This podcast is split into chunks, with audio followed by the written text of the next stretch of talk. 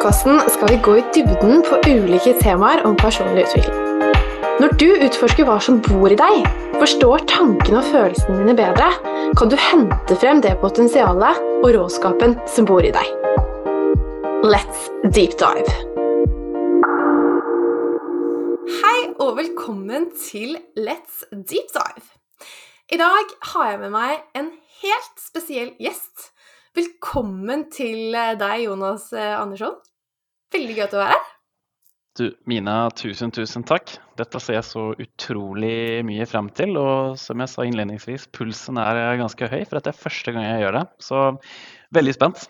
Tusen takk. Ah, og dette blir så bra, Jonas. Eh, og jeg vil jo bare jeg må bare fortelle litt grann, eh, innledningsvis om hvordan jeg egentlig kjenner deg, Jonas. Fordi du var jo min leder for mange år tilbake. Eh, og du er en av de som virkelig har inspirert meg opp igjennom. Du har lært meg ekstremt mye. Du har coachet meg, lært meg masse om salg. Og min personlige utviklingsreise startet på veldig mange måter når jeg jobbet eh, med, med, deg og med salg. Eh, hadde deg som leder, og det var da også interessen for dette med mindset startet. og jeg lærte liksom viktigheten av det, da i forhold til salg og på så mange andre områder. Og det er veldig kult å endelig få ha deg som gjest, så det her er en ære for meg. Og det er bare å glede seg, dere lyttere, fordi at eh, Jonas han er, inspirerer virkelig, og han kommer til å eh, levere enormt mye verdi som eh, dere kommer til å eh, dra nytte av, det er jeg helt sikker på. Eh, Jonas har jo jobbet med salg, lederutvikling og jobbet med tusentalls av unge mennesker i mange, mange mange år av kjempegod erfaring og virkelig god forståelse i forhold til dette her som hva som gjør at noen lykkes godt da, i sin karriere. Og det er det vi skal snakke litt om i dag. Um, hvordan skape et sterkt mindset, ta disse bevisste valgene. Um, så her blir det masse tips til deg som ønsker å bygge karriere. Um, og du er jo også en Jeg må bare si det. Um, det er noe Jeg har fått lov å jobbe med deg nå i ettertid også, Jonas. Um, jeg har jobbet litt sammen med i forhold til rekruttering. og du jobber jo med mange unge folk, og det er bare sånn at når du kommer inn i rommet, Jonas Det er liksom bare Du har en energi, og du inspirerer virkelig. Det er liksom akkurat som om du, du ser liksom bare at det stråler i øya på folk når de ser deg uh, prate. Så veldig gøy ha deg. Og kan ikke du bare starte litt, Jonas, med å fortelle litt mer om hvor, hvor dette her startet? Eh, fortell litt om deg og din reise. Du, Mina, først og fremst, før jeg gjør det, så har jeg lyst til å si noe tilbake. At uh, det har vært helt sinnssykt inspirerende å følge med på din reise siden vi møttes uh, sommeren 2017. Uh, seks år siden. Eh, og du motiverer, inspirerer og bare leveler opp hele tiden med det du gjør. Så kudos, og veldig gøy å følge deg, og veldig moro å være gjest på, ditt, uh, på din podkast. Eh, og så setter du lista ganske høyt da, med den introen her, så her må jeg levere, ikke sant? Så takk for det. Men ja, hvem er jeg? Det er et stort spørsmål som jeg tenkte besvare veldig enkelt. Uh, først og fremst så er jeg en uh, vanlig fyr som er 33 år gammel, ursprunglig født og oppvekst i Estland, der jeg har min bakgrunn. Jeg kom til Sverige som eh, tiåring, gikk ungdomsskole, gymnasium og alt det der. Og kom til Norge når jeg var 20 år, så nå har jeg vært i Norge i 13 år. Um, og gjort karriere her da, innenfor salg og ledelse, uh, hvilket jeg er veldig glad for at jeg valgte det sporet. Det kan vi snakke mer om etterpå. Um, og først og fremst er jeg en tobarnspappa til to små barn. Uh, og så er jeg en fyr som er sinnssykt uh, eh, lidenskapelig opptatt av eh, mindset og personlig utvikling. Hvilket er en stor del av det jeg bruker mye tid på og syns er virkelig interessant å jobbe med. Og Det er jo der vi også har en felles eh, stort interesse. Ah, det er kult, og takk for fine ord eh, fra deg også, Jonas. Virkelig. Um, og um, kan du også fortelle litt om liksom, hva du driver med nå. For det, det du jobber med nå, syns jeg er utrolig spennende og viktig for så mange. Eh, måten du inspirerer og ja, lærer bort eh, det du gjør. Fortell om det. Du, det er sånn at Jeg eh, begynte jo i selskapet jeg jobber nå, Face to Face, uh, som et sommerjobb for mange mange år siden. og Skulle være her i tre måneder. Og du har jobbet litt med karriereveiledning og sånt, så du vet jo hvor vanskelig det er i den alderen å vite hva man skal gjøre. Hvor, hvor skal man eh, bruke tiden sin når man er så ung, når man har mange muligheter. Uh, og jeg tenkte jo at jeg skal være her i tre måneder. Sånn ble det ikke. Det har nå blitt 13 år i det selskapet, og jeg er veldig, veldig glad for det. Og min rolle i dag er jo uh, dels med rekruttering og dels med lederutvikling. Så litt sånn 50-50. Så det gjør at jeg møter veldig, veldig mange spennende folk i, i min rolle. Og, og, det gjør at jeg får lære meg mye om folk. Jeg jobber med unge folk som har en sult, drivkraft, passion og vil inn i salg. Um, så, så, ja, det er, vel, det er, vel, litt om det. Jeg får bli med på um, ulike samlinger der vi holder foredrag, der vi har workshops, ledersamlinger. Vi sitter og planlegger det. Uh, vi jobber mye med kunnskapsoverføring og, og gjøre arbeidsstedet face to face til, til, en god arbeidsplass der unge folk trives over tid. Um, så, så, tidligere har jeg jobbet innenfor salgsledelse, bygd egen organisasjon, hatt egne team. Jobba mye ute i felt uh, med B2C-salg. Så det er vel min, min karrierestory, da.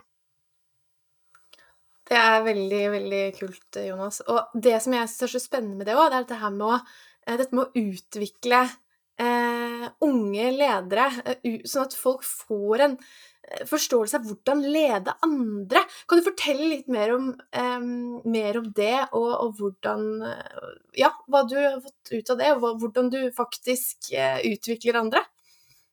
Ja, eh, elsker at du stiller det spørsmålet, for det er også noe jeg er veldig opptatt av. Det er lidenskap, det å jobbe med ledelse og påvirke andre, forme andre. Det er som et kunstverk. Du får liksom en slags uh, modul du skal forme, da, uh, og etter hvert så vokser den til noe veldig vakkert.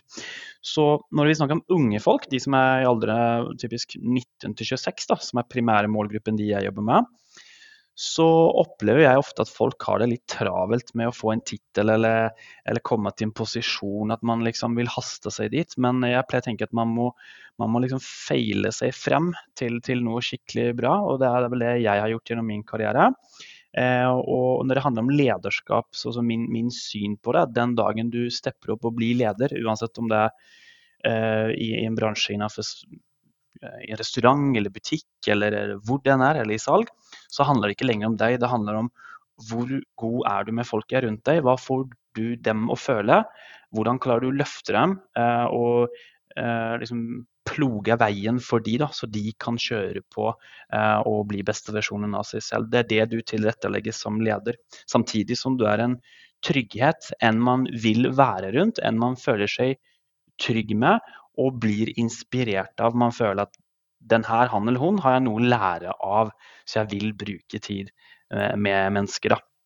Um, så måten vi jobber med, med lederutviklingen her, er jo uh, veldig mye at vi former dem til hvordan de skal være, snakke, um, hvordan de skal bære rollen sin med stolthet. Uh, og veldig mye valgene man tar som leder, som kan ha store konsekvenser på den ene veien eller andre veien.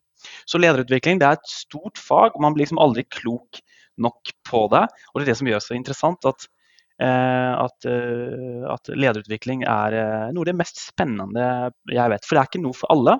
Men de, for de som velger å gå det sporet, så finnes det uendelig med kunnskap innenfor det området. Og det, det er det som inspirerer meg om dagen, om jeg får si det sånn. Ah, så spennende, Jonas. Og der er du jo også virkelig et uh, utrolig godt forbilde. Uh, og jeg er så enig med deg. Lederutvikling Jeg jobber jo mye med, med det. Og det, det, er så spennende. Og det er sånn vi, vi kunne snakka oss i hjel, tror jeg, om, om, om, det temaet. Men OK, så liksom Jeg har et spørsmål til deg i forhold til eh, Det er jo mange unge som hører på, og som gjerne kanskje vil bygge karriere. Hva tenker du, da, med din erfaring, er det viktigste man bør gjøre for å skille seg ut i dagens arbeidsliv? Um, digger det spørsmålet også. Det har jeg tenkt litt på, for jeg visste jo at du skulle stille det. Så her tenkte jeg at um, dette, dette, her mener jeg genuint, så jeg håper at de som lytter uh, får noe ut av det og er enig med meg. Kanskje ikke, det, det, går, det går, fint det også. Men nummer ett så tenker jeg at man, man må liksom legge inn litt uh, tid og ressurser uh, på eget ønskemål, eget initiativ til å bli god i sitt fag, da, uansett hva man driver med. Uh, vi lever i en verden i dag der kunnskapen er i smartphonen vår, og den er ofte gratis. og det er opp til deg å hente det og inspirere deg, lese, finne liksom dine inspirasjonskilder. Men så kommer vi, danner vi litt ned i disiplin når du faktisk gjør det eller ikke. For ting som er lett å, å droppe, uh, det, det, er det som også ting man ofte gjør. Da. For det er lett å gjøre, så er det også lett å droppe ikke sant? Så for meg handler det om at man legger i interesse at utvikle seg, at lese på, at bli litt og litt bedre i akkurat det man, man driver med. For det gir en slags bemestringsfølelse, en slags uh, sånn integritetsfølelse. Dette er noe jeg gjør, for jeg vil. ikke sant? Og bare gjennom å gjøre de små tingene, så skiller du ut alle det der mot alle som ikke legger inn de 20-30 minuttene om dagen til selvutvikling, da, f.eks. Uh, og hvis vi snakker om salg, så handler det om at man da uh, f.eks. Uh, som 22-åring i starten av sin salgskarriere velger å lese salgsbøker, velger å høre på podkast, velger å høre på din podkast, velger å gå inn på YouTube eh, og bli inspirert. Nummer to så mener jeg at det handler om å være eh, ekte nysgjerrig på liksom ting rundt deg, på menneskene rundt deg, teamet, jobben, bedriften du jobber i. Og tørre å spørre mye spørsmål da, og være liksom den som er litt frempå. Um, for da blir du tolket som en person som tar for seg. ikke sant? Uh, alle, alle vil jo jobbe med driftige folk som har noen driv eller uh, er nysgjerrig på ting. Uh, for de har jo et spesielt energi, de, de, som ikke er bakerst i rommet, men liksom vil fremover. Eh, og så være en å stole på. Eh, litt sånn komme i tid. Eh, gjøre the basics riktig. Ha kontroll på the basics i jobben din og gjøre det alltid korrekt. Eh, gi beskjed om ting, liksom, og, og, bare være en team player som er å stole på. For det med tillit er veier veldig, veldig mye, mener jeg. Um, og det siste jeg skulle si, for å skille seg ut uansett hva du driver med, det er å faktisk bry deg om andre. Litt sånn du, Hvordan har du det på ekte i dag? Uh, det spørsmålet, og faktisk lytte på svaret. Um, ikke bare sånn i kaffemaskinene 'Hei, hei, alt bra, eller?' 'Ja, samme her.' 'Ja, OK, vi ses uh, til lunsj', liksom. Som det veldig ofte blir.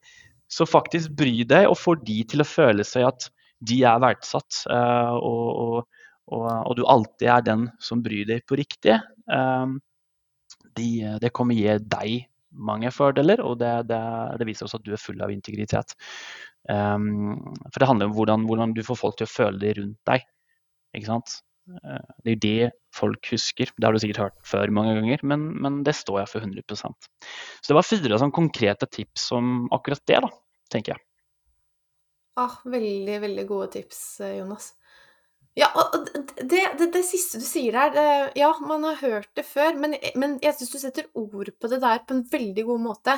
Hvordan er det du får andre til å føle seg? Det, det er utrolig viktig. og Jeg tror det er fint å være bevisst på det. For jeg tror eh, noen har kanskje de egenskapene, men, men, men, er ikke bevisst på at bruk de mer. For det, det skaper jo noe i bedriften, og det, gjør at du du skiller deg litt ut, da. Um, folk setter pris på det. Um, og, og, bare for å stoppe litt kjapt der, Mina, så, så, kan man jo stille seg selv et spørsmål før man går inn i et møte, en morgenmøte, gruppesamling eller en prat med noen. at Hei, altså hva vil jeg få ut av denne samtalen jeg nå skal ha? Hva vil jeg at personen skal sitte igjen med? Og det samme handler jo om en coachingsamtale som en leder tar til en selger, f.eks. Eh, ok, Hva er status eh, etter denne samtalen jeg skal ha? Hva vil jeg han eller hun skal tenke og føle og kjenne og sitte igjen med? For jeg tror veldig ofte går vi på autopilot. Vi har så mye som skjer, vi er så distracted.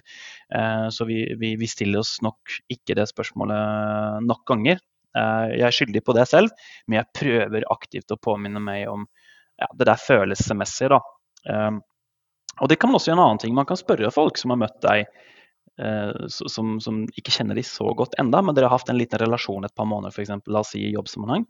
Så kan man spontant spørre da, eller unnskyld, sånn, kan jeg bare spørre, hva fikk du for første inntrykk av meg? Hvordan, hvordan, fikk, hvordan fikk jeg deg til å føle deg rundt meg, liksom?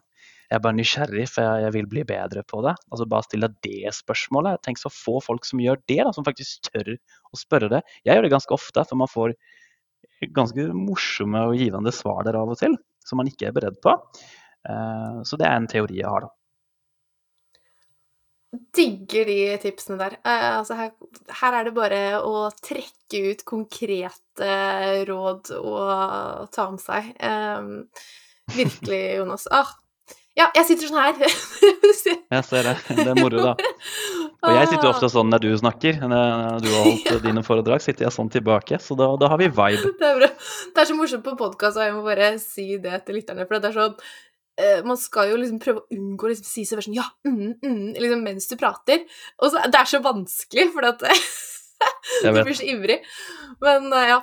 Nei, veldig kult. Um, og så var du liksom inne på dette her, Jonas, med dette med eh, disiplin, eh, motivasjon eh, Og jeg vet jo at det, er det noe jeg i hvert fall opplever at du har, så er det jo disiplin. Du er helt rå på liksom, Du har rutiner. Eh, du eh, har to barn. Du gjør karriere. Du gjør masse eh, ved siden av interesser, og det er bare så fascinerende å se på. Du trener. Eh, hvordan får du til alt? Og hvordan er dette med disiplin viktig for deg? Kan du si noe om det? Ja, jeg skal prøve i hvert fall. Og mange av de tingene du sa nå, det er jo ting som folk flest gjør. Eh, du, du mm, har barn, du tar hånd om de. Det krever eh, mye innsats, energi og tid, og tar mye vekk fra din egen tid. ikke sant? Eh, du har en karriere som folk flest har, og så har du noen relasjoner og hobbyer og alt mulig annet, og egen tid kanskje. Um, så det er vanskelig å få det gå i hop, for vi, vi, vil jo ofte ha mer og tror at døgnet er lengre enn 24 timer.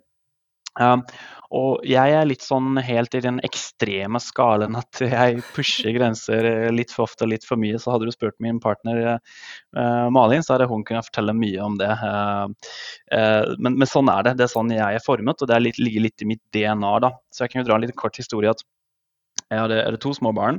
Året var 2020, ikke sant. Um, og, og, det var midt i pandemien, og så fikk jeg et spørsmål av en nære venn som, som spurte meg Hei, Jonas, du, du, virker som en driftig kar og eh, liker å pushe deg. Jeg ser at du trener en del. Vil du bli med på Ironman neste år? Altså en triatlon, liksom.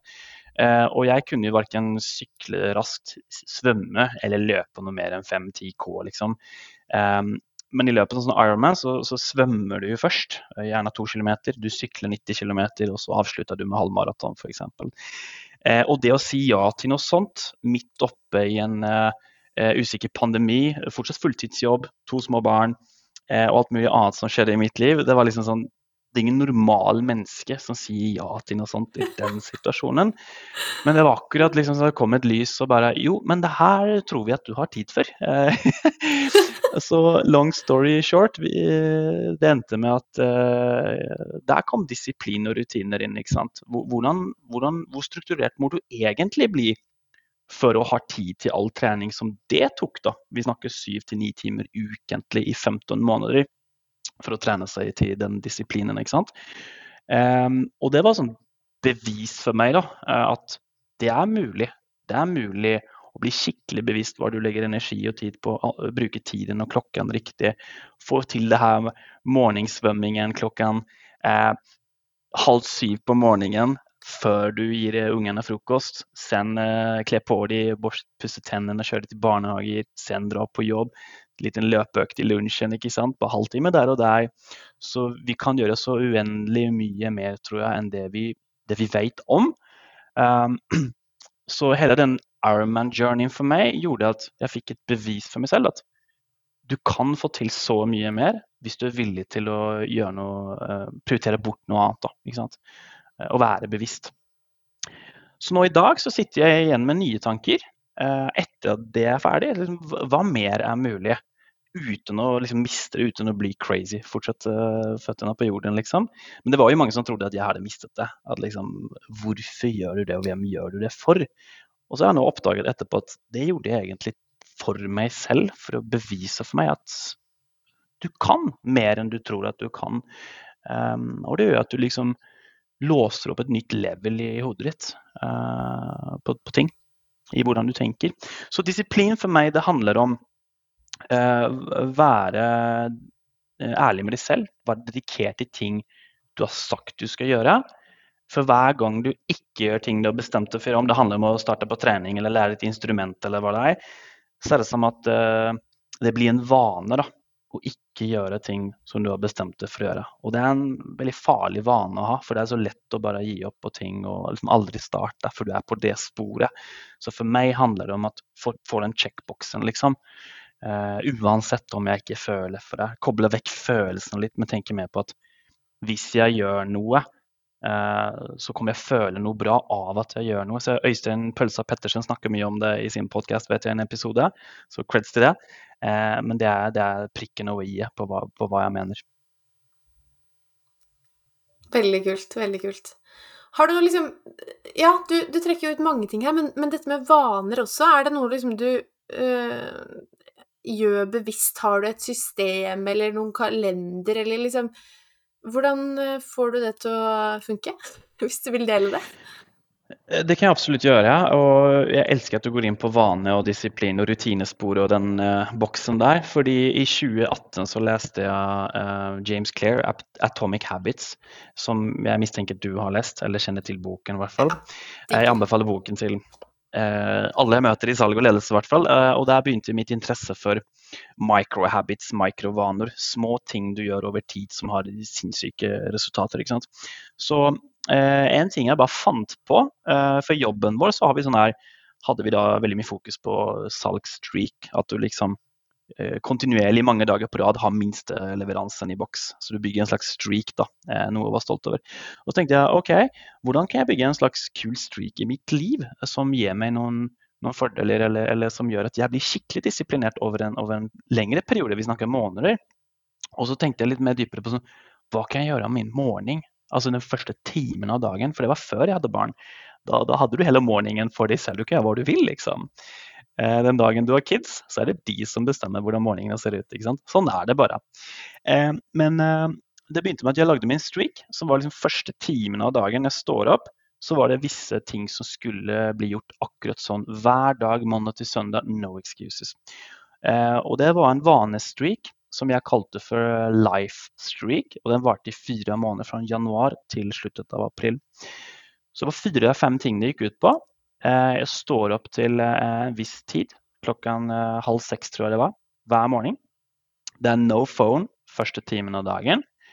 Og så er det rett ut på, på stuegulvet meditere, altså pusteøvelser, bli bevisst på tanker, bare finne ro, liksom. Ikke noe musikk, ikke noe annet, ikke noe koffein i kroppen. Bare sitte og lytte på hva som foregår i hodet. Det varte kanskje i ti minutter. Etter det så var det cold shower, og da begynte man jo på sånn 10-15 eh, sekunder, hvilket var helt crazy vanskelig. Og så bygde man det opp til sånn ett minutt, og så var jeg oppe i to minutter da, etter hvert. ikke sant? Og det var jo før jeg hadde hørt om Wim Hoff og liksom eh, effekten av eh, cold exposure. Tykte jeg, Hva hvis jeg baker inn det også i min morgenrutine, i min golden hour? Så gjorde jeg det. Og så etter det så var det lesing. Så var det 15 minutter lesing. Uh, uh, uten unntak. Og, og, og, plutselig ble lesing gøy, for jeg har aldri vært fan av bøker, liksom. For jeg syns det går så treigt.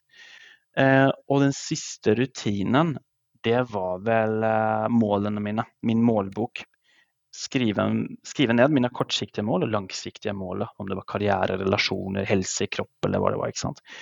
Så hele den streaken varte i rundt en time, og jeg holdt det gående da i fire måneder. Det viktigste jeg hadde, var jo en bok, en sånn A4-bok som du har flere sider. Eh, og så gjorde jeg rader og bokser, en slags bokssystem. Så hver dag når jeg har gjort rutinen min, så krysser jeg av de forskjellige kategoriene. da. Så stå opp ved samme tid, meditere, cold shower. Bare der har jeg tre checkboxes, liksom. Og det gjorde at jeg bygde mine small wins consistently over tid. Um, og, og, så skjedde det jo også magiske ting når jeg begynte å vise det her til folk. På jobbet f.eks. eller i mitt nettverk. Jeg hadde boken min med meg og til. Jeg kom liksom inn på temaet hva jeg driver med på morgenen. Og det gjorde jo at du inspirerte mange folk rundt deg som for det første tenkte at du var litt sånn psycho. Hvorfor gidder du? Men når du skjønte det, så meldte de på seg selv. Så jeg hadde jo en periode der jeg fikk sånn Messenger-innboks-spørsmål sånn Jonas, kan du sende meg printscreen på den streaken? Jeg tenkte begynner jeg. Um, så det er bare sånn bevis på hvordan en tanke du bare plutselig får, og så bygger du på den tanken. Og så bare lanserer du noe som du kan prate om i en podkast fem år senere, liksom. Uh, jeg, vet det, jeg vet ikke hva du spurte om, jeg bare følte for at jeg ville fortelle historien til dem mine. Det der var dritkult, Jonas. Jeg, jeg sitter her og bare ja, så, så kult eksempel. Eh, men, men, hva eh, det, det, spørsmålet som kommer til meg, hvorfor gjør du dette her? Eh, liksom, er det for fokus, eller liksom, påvirker det deg, mindsettet ditt? Altså, hvorfor i all verden gidder du egentlig? uh, altså, du har stilt det spørsmålet mange ganger, og jeg har ikke en sånn one punchline til hvorfor. Men hvis jeg skal prøve å sånn, se litt inn i meg selv, så eh, kanskje litt sånn cocky å si, men liksom, hvorfor ikke? Eh, jeg er genuint opptatt av å se hva som skjer hvis du utfordrer deg, og hvis du kommer litt av det A4-livet som vi alle er veldig bekvemme altså, jeg, jeg er livredd for å stande i min comfort zone. Jeg er livredd også for å bli bekvem, for vi har bare liksom ett liv. Vi har de der 80-90 årene. Eh, og det handler om valgene vi tar, tingene vi gjør, relasjonene vi bygger eh, og, og, alt det. Så jeg tenkte at så fort det er en crazy nok tanke, så må jeg jo prøve å agere på det. i hvert fall, Så finner jeg ganske fort ut om det er kult eller ikke. Så du kan, du kan, se litt på meg som en sånn testpilot på litt alt mulig, for jeg liker å prøve ting, teste ting. For hva er det farligste som kan skje? Ja, det er jo at du ikke likte det, eller at du fikk et nei eller en avvisning, eller at det ikke gikk. Eh, men da er jeg tilbake i en annen teori, som, som, dere kanskje sikkert har hørt før. Men for meg er det da at eh, enten så eh, lykkes du, eller så lærer du noe. Så det finnes ingen failure i bilden for meg. Den, den, eliminerte jeg bare. For den gir meg ingenting. Men hva har jeg lært meg av det? Hva kan jeg ta med meg videre? Og, og kan jeg lære ut det jeg har lært til andre? Potensielt, ja. Um, og sånn tenker jeg hele tiden om ting som inspirerer meg, eller ting jeg catcher opp, eller om det er din podkast eller noe på TV, eller en relasjon eller noen mennesker jeg prater med. Kan jeg bruke det i en slags coachingsammenheng, eller, eller gi verdi til andre? Men da tenker jeg at jeg må jo først prøve de tingene selv, for da blir det jo ekte. Så jo mer ting jeg prøver, desto mer lærer jeg. Eh, og så tenker jeg at jeg, jeg må jo lykkes et sted. Så, så sånn tenker jeg. Veldig, veldig kult. Eh, og um, jeg kjenner meg jo Jeg har jo også hatt perioder Eller jeg er jo egentlig Vi er jo litt like, Jonas, jeg vil jo si det. Og liksom liker å stå opp om morgenen og Nei, mener du det? vi, vi er nok det!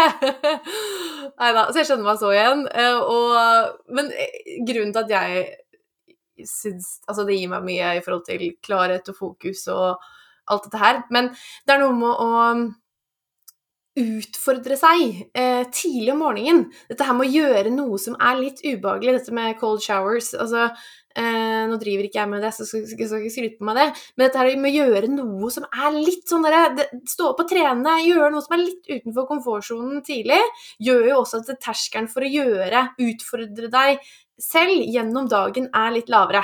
Så dette med ut av komfortsona eh, med en gang gir i hvert fall meg veldig mye, så blir jeg føler ja. meg litt sterkere gjennom dagen, da. Um, ja, men Det makes sense, bare for å fylle litt på det. Når du har hatt de der small winsene på morgenen Jeg vet at du snakker mye om small wins. Ja. Um, så, så, blir liksom alt som takler senere på dagen, blir, blir, på en måte piece of cake, for du er allerede i gang. Du har starta maskineriet, du har møtt litt motgang på morgenen. Det å stille seg i en iskald dusj Jeg vet at mange driver med det, det er blitt sånn trend. ikke sant? Eh, men, men, det er alltid en motgang først, før det blir deilig.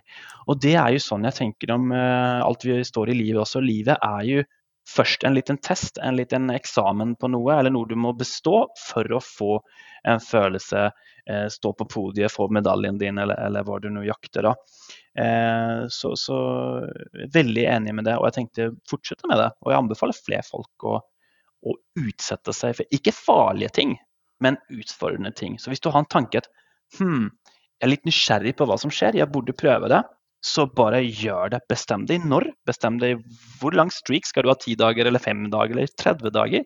Men når du har tatt det valget, fortell det gjerne til noen. Da, det, da vet jo de om det.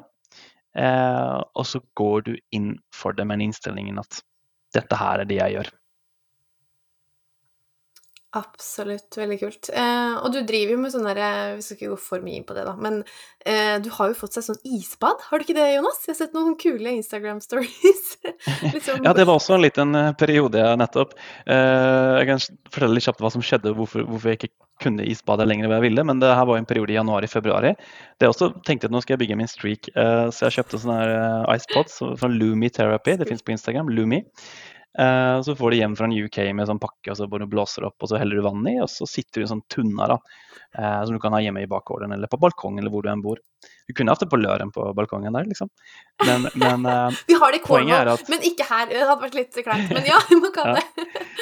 Nei, så du fyller på vann, ikke sant. Og så på vinteren er det jo perfekt, for det vannet fryser jo relativt fort. og, og så um, jeg hadde en streak der jeg isbadet 20 dager på strek. da, Og jeg begynte med sånn 20 sekunder. Helt ekstremt. Det, det var alt, alt ville bare imot. For når det er liksom minus fire ute, og så skal du inn i det lille, lille tunnaen, liksom. Og så skal du doppe deg og sitte der på morgenen. Det er ikke et friskt menneske som gjør det, liksom. Men det endte jo med at man kom opp i to minutter etter hvert. Og så er det også en annen ting at jeg la det på Instagram på Story hver dag. Og så vil jeg se hva skjer hvis jeg eksponerer andre for det over tid. Eh, og det som skjedde, var jo at det var jo typ sånn 15 mennesker som tok kontakt eller skrev til meg, som aldri har skrevet til meg.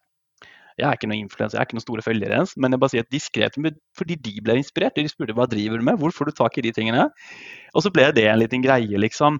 Men hvorfor jeg stoppet med det, eh, det var jo for at hele tunnaen frøys til is. For jeg hoppet over badingen en dag. Og det gjør jo at eh, det ble et islager. Så nå har jeg kastet den, for den ble ødelagt, dessverre. Men det var en kul ting å prøve, og det var bare et kult eksperiment, da. Så jeg anbefales det også. Det gjør at du får altså Effekten av ti Red Bull i løpet av dagen har ikke en sjanse mot effekten du får av at du har gjort noe sånt. da. Digger det. digger Det Det er så kult. Og jeg gleder meg til flere eksperiment fra deg eh, fremover, Jonas. Det er stadig noen eksperiment, og det, det er veldig, kult. Gleder meg til å høre hva, det, hva neste eksperiment blir. Um, men, Men Mina, for å spørre deg tilbake litt kjapt før vi går videre. Har ja, du noe sånn eksperiment du, du, driver med eller har gjort, uh, hvis vi er inne på litt samme spor? Har du noen ting å dele, tenker du? Jeg er bare litt nysgjerrig. Ja, altså jeg har jo kanskje ikke så ekstrem eksperiment som deg, men jeg har jo den derre golden hour, eller hva man kaller det på morgenen. Mm -hmm. Det er noe jeg digger og sverger til. Uh, må jo si at jeg har hatt eh, perioder inn og ut av det, men Eh, meditasjon, f.eks. Eh, det å meditere hver dag eh, over en lengre periode. Det var vel Jeg tror vel det meste jeg klarte, var vel to og en halv måned hver eneste dag, hver eneste morgen. Og det For meg var det bare det ga meg så, så mye. Eh, nå har jeg ikke noen sånn eh, rutine på at jeg gjør det hver eneste dag, men jeg gjør det mm. ofte. Eh, men jeg har eh, hva skal jeg si, Min lille rutine er dette med journaling. Så det er litt den der jeg går mm. inn i meg sjøl. Eh, det jeg gjør hver dag, er liksom å connecte med mitt indre. Jeg må få tak i den derre connection med meg sjøl hver dag. Høre på litt, eh, på litt eh, meditasjonsmusikk. Eh, bare liksom roe ned og connecte for meg er bare sykt viktig for tilstedeværelse i hverdagen. Og så har jeg jo en del Jeg trener jo mye og har jo litt sånn mål på, på trening osv. Og, og driver vel med noen eksperimenter der nå. Um, men um, Og har hatt prøvd på, også på liksom kalde dusjer og sånn. Um, men jeg, må, jeg, jeg, tror jeg må finne meg et nytt eksperiment nå, Jonas. Fordi at ja. nå blei jeg veldig inspirert av deg. Ja. Mulig vi må ha en egen session rundt det. Kan vi ikke det? Kan ikke vi ha et eksperiment sammen, Jonas? Det må vi seriøst gjøre. Ja. La, lage en gruppe av det, eller noe sånt? Starte en trend. Men du, altså, jeg må bare fylle litt tilbake på det med loggføre ting. Du, du, sa det med at jeg gjør det ikke hver dag. Og mitt poeng er bare ikke det at jeg tror ikke på at du må loggføre noe i et system eller en bok eller en crossmark i liksom ett år. Det finnes folk som sikkert gjør det. Men jeg tror man må gjøre det i en periode for å komme inn i rutinen, så det blir en del av din livsstil og din DNA hvem du er. Altså, jeg hadde jo også et år der Det er tilbake i 2019, 2018 kanskje. Der jeg tok en eh, sånn eh, bilde på meg selv på gymspeilet. Det siste jeg gjorde da jeg var ferdig bare for å ha ett bilde fra hver treningspass jeg har hatt. Det siste jeg gjorde før jeg pakka, liksom. Så jeg endte jeg hadde sånn 267 treningspass ett år. Eh, men eh, etter hvert ble det slitsomt, for jeg tenkte at jeg har jo de samme antall pass hele tiden. Så nå har jeg vel kommet til et nivå der jeg er en person som trener. Jeg trenger ikke eh, loggføre lenger. Men jeg gjorde det i starten for å skjønner du, komme inn i det. Og jeg tror den konsistensen for å bygge noe som en del av ditt liv for alltid, det er der folk glipper, tror jeg. At man, man gjør det ja, altså som du vet, det nyttårsforsettet og alt det der. Um, men, men da, man, da, tror jeg at man har stilt seg selv litt for lite spørsmål. Man har gått litt for lite inn i seg selv. Og så har man kanskje gjort det for noen annen, eller det forventes av deg, men det er ikke egentlig ditt mål, noe du eier. Um, og Det der har jeg jobbet mye med. Å ikke sette mål bare for å sette mål, for det faller man uansett av. Um, og, det prøver jeg å lære ut til folk som skal plukke titler eller eh, komme opp i ledelse også.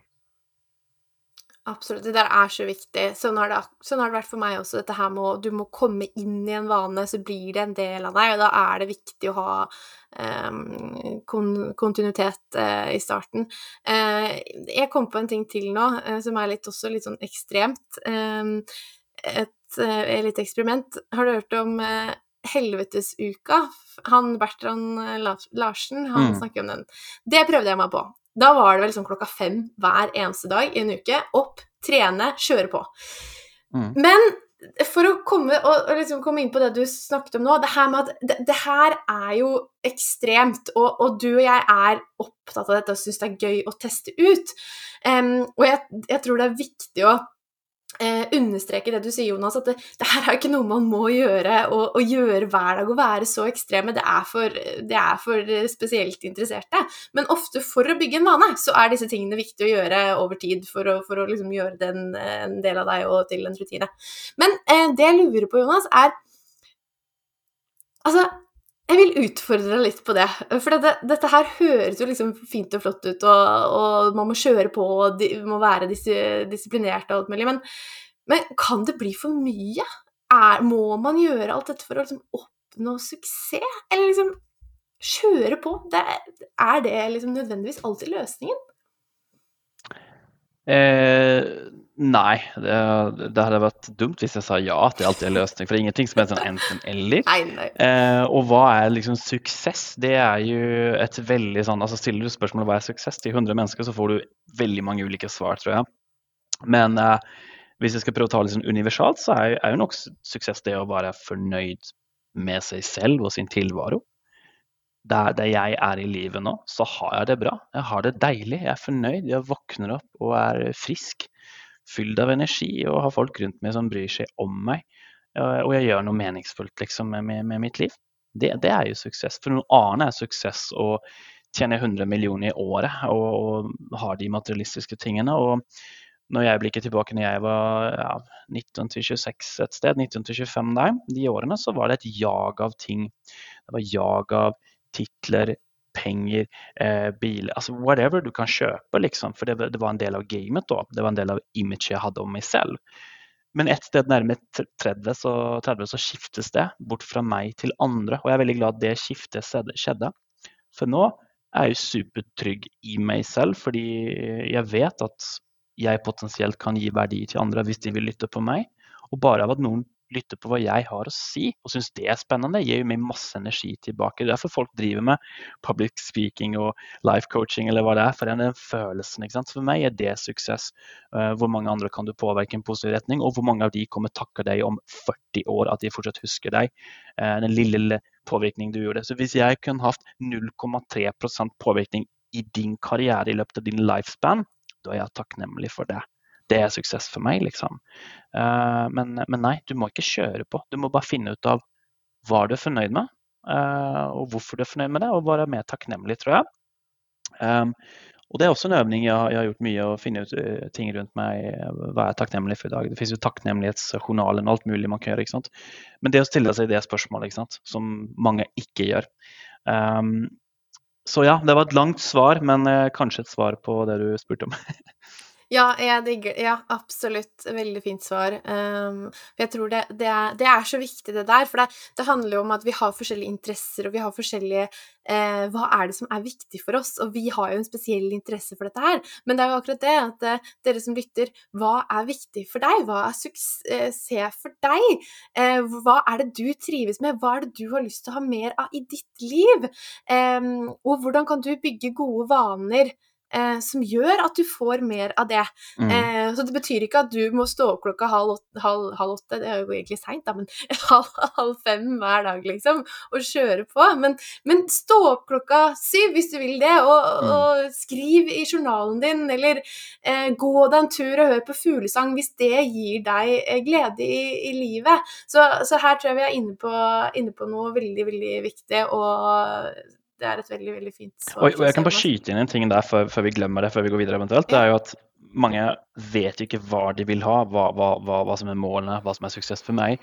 Men de kanskje vet hva de ikke vil ha. Og det står jo mye i bøker, podkast og mulig sånn self-development-tips. At stiller da, hva, hva, vil du absolutt ikke ha? Hvem er du absolutt ikke? Altså Begynn i den andre enden, da. Det har funket for meg i mange tilfeller.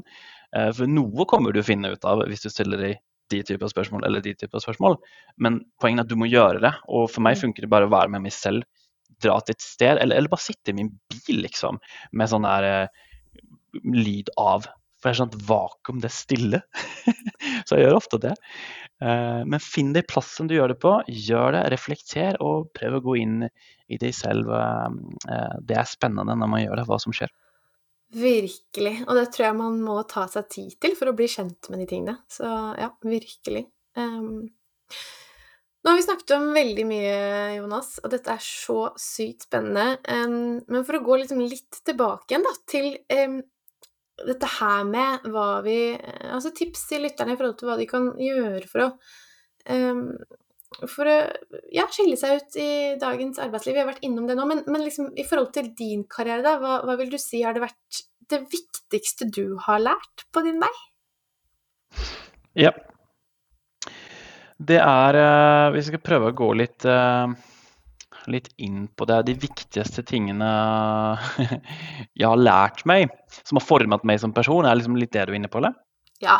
ja. Eh, jeg kan prøve. Jeg har vært inne på mye av det allerede. Men, men liksom det tankesettet med, med, eller mindset at jeg må tørre å prøve for enten så lykkes eller så lære meg noe jeg har nytte av. Eller så kan jeg lære ut andre takket være det jeg gjorde eller prøvde. ikke sant?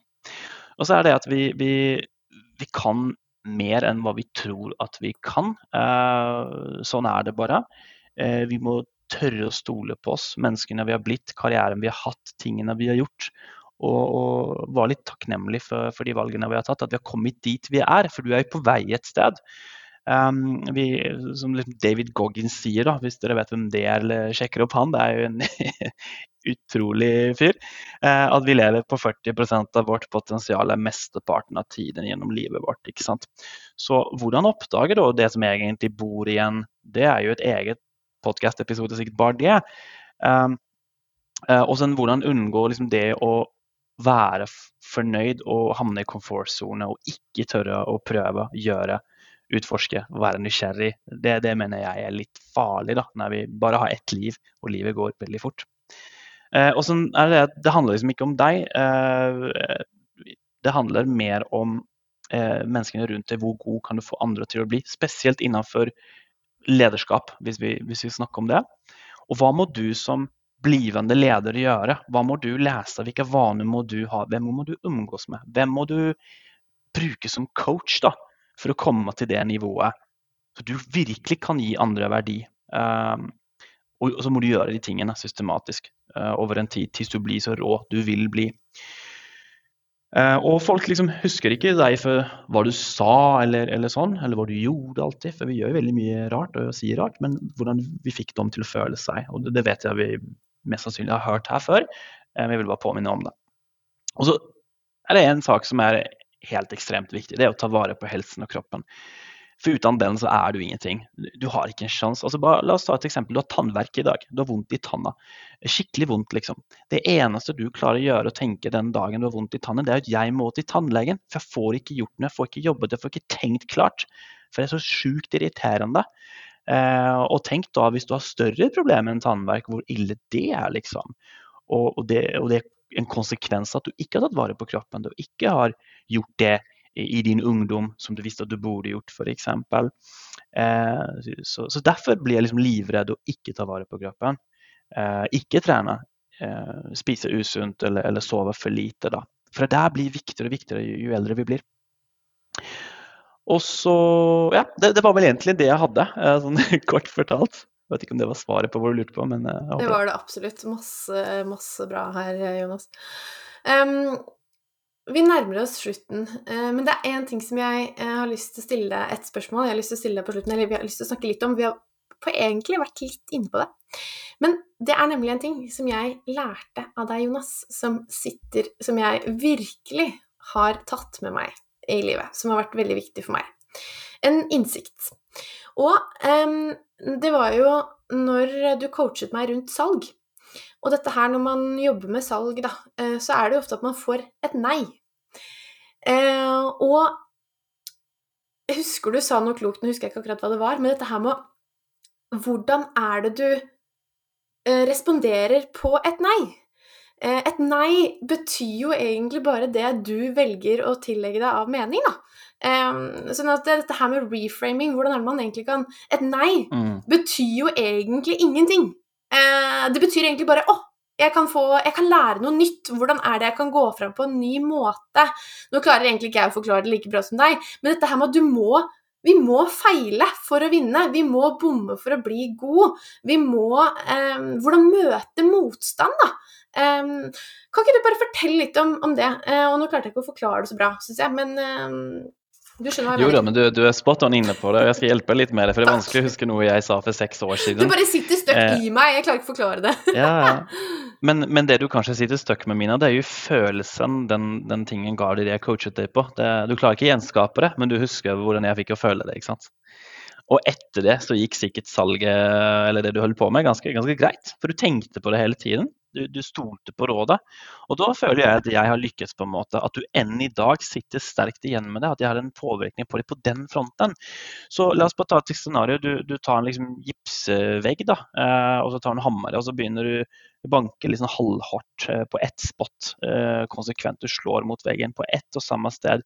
Så gjør du det ti ganger skjer ingenting, du gjør det 100 ganger skjer ingenting. Men på gang 345 så blir det det hullet der, liksom. Så på veien mot det hullet så var det bare avvisning, kan man jo tenke. ikke sant? Det var bare nei. Men til slutt så knekte du det.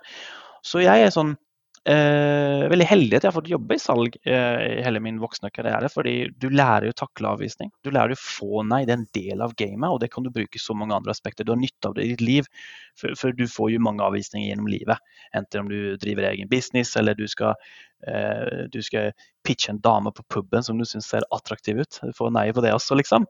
Og det må vi kunne tåle, og ikke ta det personlig. For la, la meg bare snu det rundt, da.